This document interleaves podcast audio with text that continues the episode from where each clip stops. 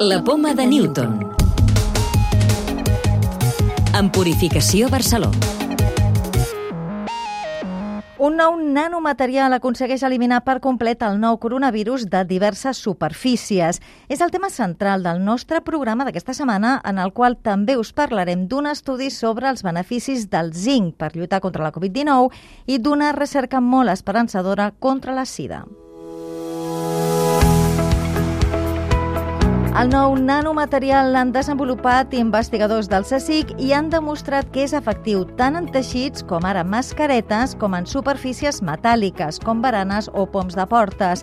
Està basat en nanopartícules de coure que en contacte amb el virus inhabiliten la proteïna espiga que li permet infectar-nos. Ho explica l'investigador José Miguel Palomo, responsable del proyecto. Es un nanomaterial que se puede aplicar a diferentes superficies. Está constituido fundamentalmente por eh, nanopartículas de cobre que funciona inhibiendo inactivando las proteínas funcionales del virus, particularmente la proteína Spike, ¿no? que es la importante desde el punto de vista de, de transmisión y contagio. Material interacciona con, con, el virus, provoca cambios estructurales, algún tipo de modificación en esas proteínas y hace que ya no sea efectivo. La interacción es con la proteína S y con otras funciones del virus, probablemente también se provoquen otras proteínas de, la, de lo que es de la estructura del virus y, y termine llegando a la inactivación completa del mismo. Este tipo de material una, aplicación bastante amplia, mascarillas quirúrgicas funciona perfectamente, también en tejido de algodón, pero también hemos visto que funciona, por ejemplo, si lo colocamos en superficies metálicas, tipo de hierro, tipo acero, ¿no? Que serían interesantes, por ejemplo, pues para todos los lugares donde, donde hay mucho contacto entre personas, por ejemplo, en medio de transporte, en cine, incluso en estadios de fútbol. El material ja està patentat i té un avantatge afegit. És més econòmic que altres productes.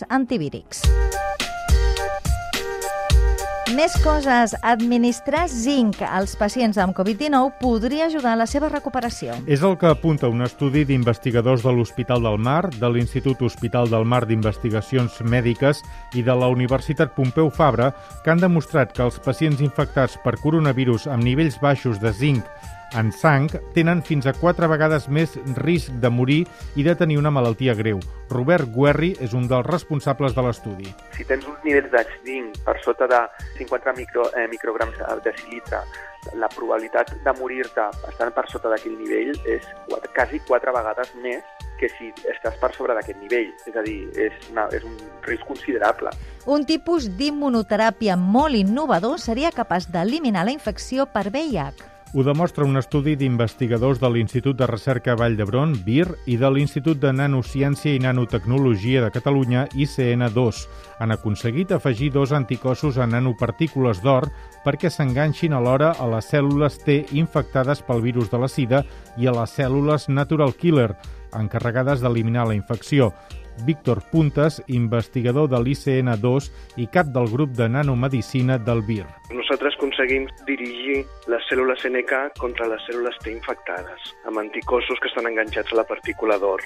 La mortalitat de la Covid-19 en pacients amb APOC, és a dir, amb obstrucció respiratòria crònica, duplica la dels pacients sense aquesta patologia. És la conclusió d'un estudi del registre Semi-Covid-19 fet per metges internistes. La recerca mostra que tenir APOC no suposa més risc de contraure la Covid-19, però en cas d'infectar-se el pronòstic és molt pitjor.